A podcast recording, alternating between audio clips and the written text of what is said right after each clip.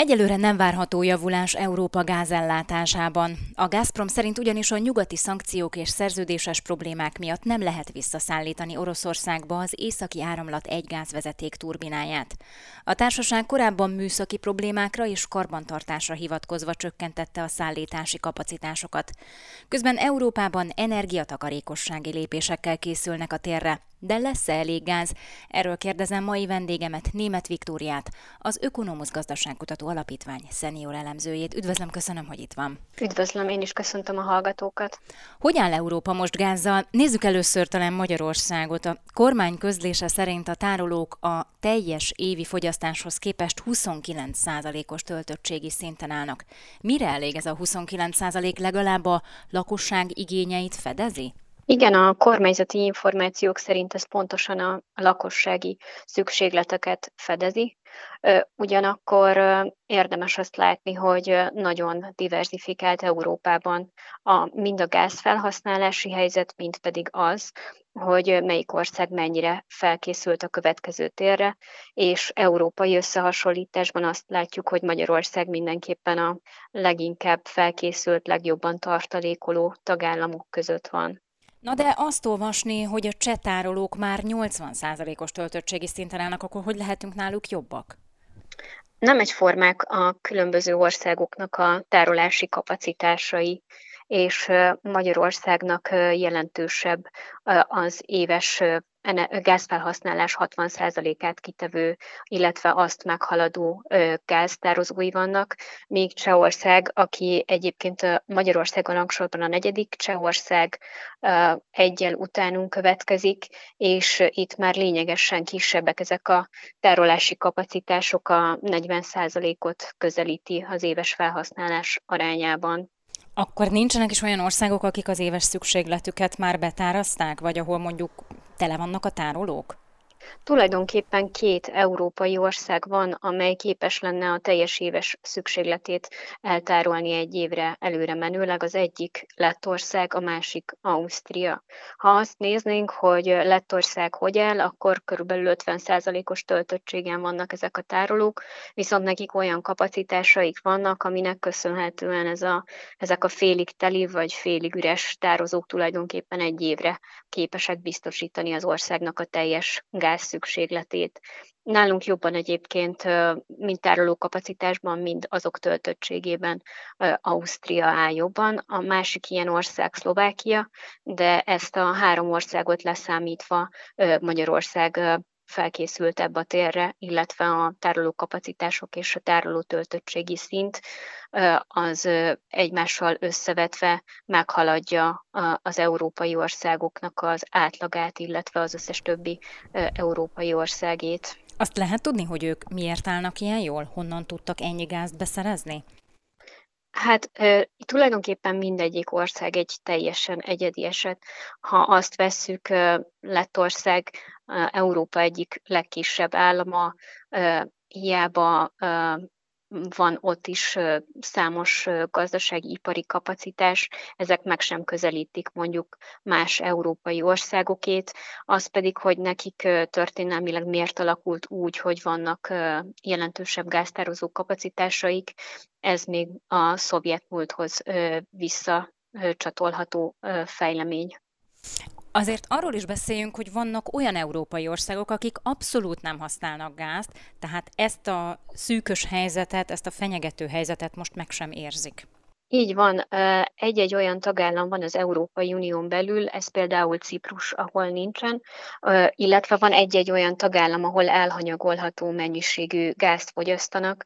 Ezek jellemzően Finnország, Svédország, Észtország, de tulajdonképpen ők az elenyésző kisebbség Európában, az átlag az inkább a, az energiafelhasználás negyede, ötöde, amelyben a, a gáz is részt vesz az energia előállítás során. A másik érdekes kérdés az az, hogy rendelkezik-e minden Európai Uniós tagállam gáztározókkal. Erre a kérdésre az a válasz, hogy nem.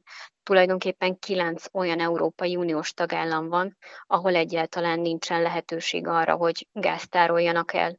És mondjuk Ciprus esetében ez érthető, hiszen itt nem történt gázfelhasználás 2020-as adatok alapján, viszont ezek közé az államok közé tartozik például Írország, ahol uh, tulajdonképpen az Európai Unióban a negyedik legnagyobb a gáz aránya az energiafelhasználáson belül. Akkor ők mit csinálnak? Bértárolásban oldják meg ezt, vagy próbálnak folyamatosan vásárolni? Hát ők nagyban hagyatkoznak arra, hogy nekik mind saját forrásaik vannak, mint pedig a legfontosabb partnerükre Nagy-Britanniára, mint szomszédos országra, amely úgy számolnak, hogy folyamatosan szám, szállítja számukra a gázt. Ugyanakkor, hogyha olvasunk elemzéseket Írországról, jelentős kockázatokról beszélnek ezek az elemzések, mind amiatt, hogy a gázaránya igen magas, mind pedig amiatt, hogy nincsenek tárolási kapacitások, ellenben a lakossági és a, az ipari gázfelhasználás is igen magas arányú. Európa 2014 óta próbálja diversifikálni az energiaellátását, a krími háború óta próbál valamennyire függetlenedni az orosz gáztól. Most hány százalékban szorul gáz esetében orosz behozatalra? Igen magas az orosz behozatal aránya. Tulajdonképpen a statisztikák mindig néhány éves csúszásban vannak. 2021-ben 39% volt az orosz gáz aránya, a megelőző évben éppen 40% fölött volt 42%, de ez a szám évről évre vizsgáljuk, mindig picit változik és tulajdonképpen azt látjuk, hogy Európának mégsem sikerült 2014 óta csökkentenie az orosz függőséget, az inkább növekedett. Egyébként honnan tudna gázhoz jutni Európa? Tehát Oroszország mellett érdemben nincs is más alternatíva? De jelen pillanatban is a fennmaradó 60%-ot más államok biztosítják Európa számára. Az egyik legfontosabb partner Norvégia, aminek az esetében például jelentősebb növekedés volt megfigyelhető már 2021-ben, de azért itt Például azt is figyelembe kell venni, hogy Norvégiának a gáztartalékai, a gázkitermelési kapacitásai jelentősen elmaradnak Oroszországétól. A harmadik legjelentősebb partner pedig Algéria és akkor a többi helyen már nagyobb mozgások, illetve változások figyelhetők meg évről évre, de az Egyesült Államok vagy az Egyesült Királyság is ezek közé az országok köré, közé tartozik, különösen azóta, mióta a tengeren túlról is lehet folyékony cseppfolyós gázt szállítani. Az idei telet, hogyha mondjuk az orosz oldalról már nem érkezne több gáz, Ezekkel a partnerekkel meg lehetne oldani? Lehetne növelni annyira itt a kitermelést, hogy az ellássa Európát? Itt tulajdonképpen minden egyes európai tagállam egy külön egyedi eset. Nagyban függ ez attól, hogy földrajzilag hol fejezkednek el, milyen kapacitásokkal rendelkeznek, milyen infrastruktúrális rendszerrel, milyen kereskedelmi kapcsolatokat tudnak kiépíteni, képesek-e a hiányzó forrásokra mondjuk leszerződni LNG-ben, vagy esetleg más módon megoldani ezeket, például az alternatív energiaforrásoknak az arányait növelni. Magyarország esetében mi a helyzet? Én azt olvastam, hogy 75-80 százalékban kitett Magyarország az orosz gáznak. Mi van, ha tényleg nem jön több? Jelenlegi állás szerint még, még a gáztározók feltöltése folyamatban van, ez folyamatosan halad előre, és Magyarország már a tartalékkal is egy jelentős lépéssel előrébb van. Viszont, hogyha azt nézzük, akkor már most a rezsicsökkentéssel kapcsolatos módosítások bejelentése után azt látjuk, hogy a lakosság elkezdett alternatív megoldásokban gondolkozni, például a napelemek iránti keresletre azt mondják, hogy körülbelül tízszeresére növekedett az elmúlt néhány hétben a megszokotthoz képest. Ha hosszabb távban gondolkodunk, akkor milyen esélyei vannak Európának, hogyha nem Oroszországból szeretné beszerezni a gázt? Ugye hallhattuk, hogy Azerbajdzsánnal kötött megállapodást az Unió, de hát azt is lehet tudni, hogy az ön által is említett cseppfolyós LNG legnagyobb exportőrei, például Katar, Ausztrália, velük elképzelhető valamiféle üzlet? Igen, elképzelhető, de ezeknek több éves átfutási ideje van, mivel meghatározott kapacitásaik vannak ezeknek az országoknak, és jellemző módon ezekre már megkötött élő szerződéseik is vannak. Így lehet, hogy az európai országok egy néhány éves várakozási listára kerülnek rá, és talán ez is indokolja azt, hogy az Európai Bizottság azt javasolta, hogy az egyes európai tagállamok 15%-kal csökkentsék a gázfelhasználásukat. Ez a Geotrendek, az Inforádió külgazdasági és geopolitikai magazinja.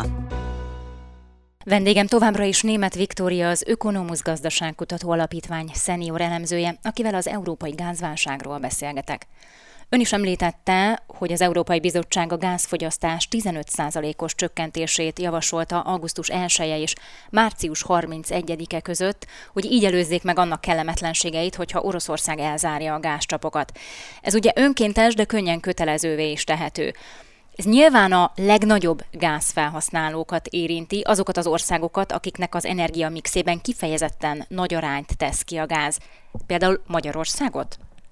Igen, így van. Olaszország és Hollandia után Magyarország az, ahol a legnagyobb arányban szerepel a gáz az, ener- az úgynevezett energiamixen belül, és ez azt is jelenti, hogy az energiafelhasználásnak egy ilyen 15%-os csökkentés akár 5-6%-át is jelentheti ebben a három Európai Uniós tagállamban. Miközben például, ahogy említettük, Cipruson, Svédországban vagy Finnországban ez a 15%-os döntés tulajdonképpen alig-alig vagy egyáltalán nem hat ki az energia felhasználásukra. Tehát valakinek nagyon nagy áldozatot jelentene, míg másoknak semmilyen változást. Igen, pontosan így van. A rezsicsökkentés átalakítása nyilván energiatakarékosságra ösztönzi a magyar lakosságot. Ez is lehetett a kormány egyik célja ezzel az intézkedéssel, hogy kevesebbet fogyasszunk, mert hogy esetleg nem lesz elég gáz? Igen, valószínűleg ilyen megfontolások is állhatnak e mögött a döntés mögött, hiszen már most azt láthatjuk, hogy az áramfogyasztása elkezdett csökkenni a rezsicsökkentés bejelentése után. Már ahogy a rezsicsökkentés körüli bizonytalanságok körvonalazódtak, 2-3 százalékkal csökkent májusban, illetve júniusban az áram felhasználása, majd a rezsicsökkentés bejelentése után a, ez az arány 5%-ra emelkedett. Nyilván a gáz esetében később fogjuk látni azt, hogy a lakosság milyen mértékben spórol, de például gyakran olvashatunk olyan híreket, hogy a tűzifa piacon milyen óriási többszörös kereslet alakult ki, illetve hogy ezzel nem is tudják tartani a lépést azok, akik tűzifát kínálnak. Akkor elképzelhető, hogy könnyen meg lesz ez a 15%-os spórolás, amit a bizottság vár el, akár azáltal is, hogy a lakosság jobban odafigyel? Azt nehéz megbecsülni jelen pillanatban, hogy ez a spórolás elérheti-e a a 15%-ot, de mindenképpen átrendeződés várható részben az említett napelemes átmenet miatt, részben amiatt, hogy a lakosság átmeneti, meg, valószínűleg átmeneti megoldásként például a tűzifához fordul. Ha nem lesz gáz, sok helyen már arra készülnek, például Magyarországon is, hogy újraindítják a szénerőműveket. De kérdés, hogy honnan lesz szén, hiszen az orosz szénnek is nagyon kitett Európa. Igen, de az orosz szénnek alapvetően azért kitette Európa, mert önkéntes vállalásként számos szénbányát zárt be, de például Lengyelországban vagy Csehországban igen nagy kapacitások vannak, és Németország is arra számít, hogy jelen pillanatban újra tud nyitni néhányat a korábban bezárt bányák közül, vagy azok közül, amelyeknek csökkentette a kapacitását, most újra nagyobb volumenben termelnek ki szenet, vagy lignitet is esetenként. Egyébként az orosz szenet érintik a, az uniós szankciók? Igen, van egy vásárlási korlátozás ennek vonatkozásában is, de itt van egy, egy tartomány, amin belül továbbra is tudnak az európai országok orosz szenet vásárolni, mivel ennek az energiahordozónak az esetében a legnagyobb az orosz behozatal aránya. Idén télen akkor miben bízhatunk? Egyedül Oroszországban, hogy azért valamilyen arányban, de tovább küldi a gázt? Megint csak az egyes Európai Uniós tagállamonként igen-igen eltérő hatásokkal jár, mivel például a legjelentősebb Európai Uniós tagállam is nagyban, Németország nagyban kitett Oroszország irányába, de azért ők is számíthatnak például a norvég gázra, illetve esetükben az jelent problémát, hogy például hiába rendelkeznek tengerparttal, nincsen LNG termináljuk, ez a cseppfolyós földgáz.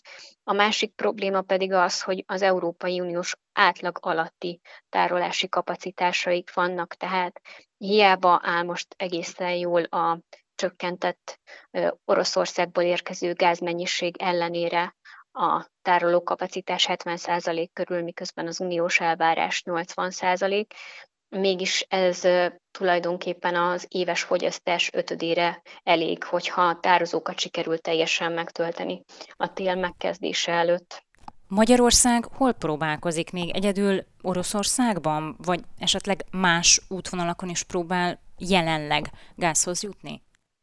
Több hírt lehetett azzal kapcsolatban olvasni, hogy Horvátországgal születtek megállapodások, tovább bővült az az LNG kapacitás, ami már néhány évvel ezelőtt a kormány elkezdett kiépíteni horvát területen. Német Viktóriát, az Ökonomusz Gazdaságkutató Alapítvány szenior elemzőjét hallották. Ez a Geotrendek. Az Inforádió külgazdasági és geopolitikai magazinja. Az oroszok adnak majd gáz, de mindig kérnek valamit cserébe. Ezt mondta az Inforádió Aréna című műsorában Deák András, a Nemzeti Közszolgálati Egyetem Stratégiai Védelmi Kutatóintézetének tudományos főmunkatársa. A szakértő szerint 2024-2025 hozhat megnyugvást a földgázpiacon. Exterte Tibor interjúja. A földgázban ez a háború 2021. szeptemberében indult. Sokan vettük észre, én magam sem vettem észre azonnal. Tehát akkor elkezdték csökkenteni a szállított mennyiséget, amit különben marketingokban már régóta mondták, hogy meg fogják csinálni, csak sose vettük ezt komolyan. Én decemberig azt hittem, hogy ez egy ilyen marketing politika. 200 milliárd köbméter volt nagyjából az a mennyiség, amit általában Oroszország exportált, és ebből mondjuk egy ilyen 160 jött Európába. Ez egy iszonytató nagy mennyiség, főleg mivel ugye a teljes Európai Uniós gázfogyasztás az ilyen 430-450 milliárd köbméter körül volt, tehát ugye a teljes fogyasztásnak harmada, kicsit több. És akkor azt ott levettek 30-at, ebből már nagyon, nagyon komoly járhatások voltak, és ez tartott 2022. júniusáig. Mindenki arra számított, hogy megvan az a fajta veszély, hogy az oroszok elkezdik a gázt használni politikai nyomásgyakorlásra, és már éppen kezdtünk felélegezni, amikor június közepén elkezdték azt, hogy elkezdték tovább csökkenteni. Pont senki nem volt meg. Ha ezt egy hónappal vagy két hónappal később kezdik el csinálni, akkor már annyi, annyit be tudunk tárolni, hogy valami esélyünk van arra, hogy kibekeljük jelentősebb orosz nélkül, vagy jobban álljunk. Pont ezt a fajta manőverezési lehetőséget vették el tőlünk. Június közepe óta, és ugye azonnal fölment az ár még egy olyan, nagyon magas szintről még 50 meg 80 százalékot. Június közepe óta egyértelműen politikai nyomásgyakorlás és zsarolás alatt vagyunk. Nem tudta senki előre, hogy az oroszok ezt ki fogják játszani? Mert akkor, ha tudta volna, akkor nyilván mindenki tárolt volna, amennyit csak bír. Ez olyan, mint az árvíz. Árvízen nem akkor kezd el kell készülni az ember, amikor jön, hanem tudom, tíz éved előtte elkezdi magasítani a gátakat, de legkésőbb két-három évvel korábban. Tehát a, a betárolási szezonba, hát hogy legkésőbb ugye valamikor úgy, úgy július, augusztus, amíg szeptember is, azt mondom istenes, környékén kellett volna ezt látni, senki nem látta. Tehát égvilágon senki nem látta, hogy ezt a katonáknak kell észrevenni, hogy egy háború készül, és a katonák úgy novemberben kezdtek el erre figyelni. Tehát akkor már, amikor ez a háború kitört, akkor már nagyon kicsi volt a mozgástér, lehetett még pár dolgot csinálni, nagy csodákat akkor már nem meddig van az oroszok kezében a gázfegyver? Magyarán mennyi idő alatt tud Európa gázt az oroszokon kívül beszerezni? Egy év, öt év, tíz év? Hát kinek, hogy és igen, mennyit. Tehát például itt vannak a lengyelek, akik 14 után úgy döntöttek, hogy akkor nekik ennyi volt, és le szeretnének válni. Ez a krím. Ez a krím háború. És ők pont most októberben fejezik be a csővezetéküket, meg építettek LNG terminált, meg ott könnyebb is a dolog, mert egy növekvő gázmérlegük van. Um, hasonlóképpen a baltiak. Tehát ezek az ilyen nagyon rossz nemzetek, ezek már mostanra leváltak, azt lehet mondani. Persze iszonyú áron, tehát hogy azok a beruházások mondjuk egy nagy része burkus pénzből ment, tehát hogy azért EU pénzekből csináltak egy jó, jó részét, de meg hát ugye az áratás ugyanaz, tehát a szerződéseikben ugyanazok a tőzsdei árak vannak mindenkünk, tehát ők is meg, megfizetik ezeket a tényleg fenntarthatatlan árakat, de nekik lesz gázuk. A németek 2025-re terveznek leválni teljes mértékben az oroszokról, és az első új ilyen LNG termináljaik bejönnek most télen. Finn észt szintén egy ilyen megoldás. Tehát, hogy ugye a finneknek elzárták, egyáltalán lesz földgázuk, idén télen, érdekes lesz, nekik is télen jön a terminál, és azt azonnal be fogják állítani, és, és csinálják. Olaszoknál is beindult valami. Én úgy gondolnám, hogy két tél az, amikor itt Magyarországon tényleg semmit nem tudunk csinálni, hogy, tudunk persze, csak, csak megoldani nagyon nem tudjuk, és 24 környékén annyira meg fog változni az európai gázellátás térképe és dinamikája, hogy már mi is tudunk valamit csinálni. A, a lengyeleknek pozitív a gázmérlegük, az nem azt jelenti, hogy tőlük lehetne venni? Mert Vesznek van fölöslegük? Vesznek is. És mondjuk nekünk adnak? Uh, hát nem tudom, hogy mennyi van, nem tudom, hogy erről beszéltek el, hogy vettek, adnak az ukránoknak, és Szlovákia is kötött egy szerződést velük, és a szlovák gázmérlegnek az egy harmadát, nem tudom melyik évtől kezdődően el fogják tudni látni. Tehát, hogy én azt látom, hogy ugye a lengyel gázmérleg az kb. pöcre most döcögöm, majd elindul idén ősszel, meglátjuk, hogy hogy működik, és akkor ott még vannak folyamatban fejlesztések, onnan jöhet be plusz földgáz. Idővel igen. Nem tudjuk azt mondani, hogy biztosan megvan ez a tél gázból. Nem vagyunk olyan rosszban az oroszokkal, ezért mi is kérünk tőlük. Kért Orbán Viktor a januári útján, akkor azt mondta neki hogy majd áprilisban térjünk vissza, erre, akkor áprilisban visszatértünk, akkor azt mondták, hogy beszéljünk erről. Most ugye Szijjártó Péter is elment Moszkvába és azt mondták, hogy majd megvizsgálják a kérdést. Ez ugye ez a klasszikus uh, orosz szicsász mindjárt szöveg, ami mondjuk... Főír még egy kicsit. Öt, igen, hát ez 5 perctől 50 évig terjedő időtartományt fedi, hogy meglátjuk. Irreális azt várni, hogy akkor tényleg adnak nekünk 200 millió köbmétert, és agyő, tehát menjünk el, hanem maximum arra lehetett számítani, hogy megígérik, hogy adnak, adnak mondjuk most százat, és hogy márciusban, amikor már tényleg semmink nincs, akkor majd kihoznak a útszéli árokból, közben megkérnek ezt, azt, azt. Tehát, hogy tényleg abszolút nyílt zsarolás van jelen fázisban, azt kell nézni, hogy hogy lehet ebből kiszabadulni hosszabb távon. Deák Andrást, a Nemzeti Közszolgálati Egyetem Stratégiai Védelmi Kutatóintézetének tudományos főmunkatársát hallották. Adásunk visszahallgatható az infostart.hu oldalon. Köszönöm a figyelmüket, a szerkesztőműsorvezetőt, Varga Mónikát hallották.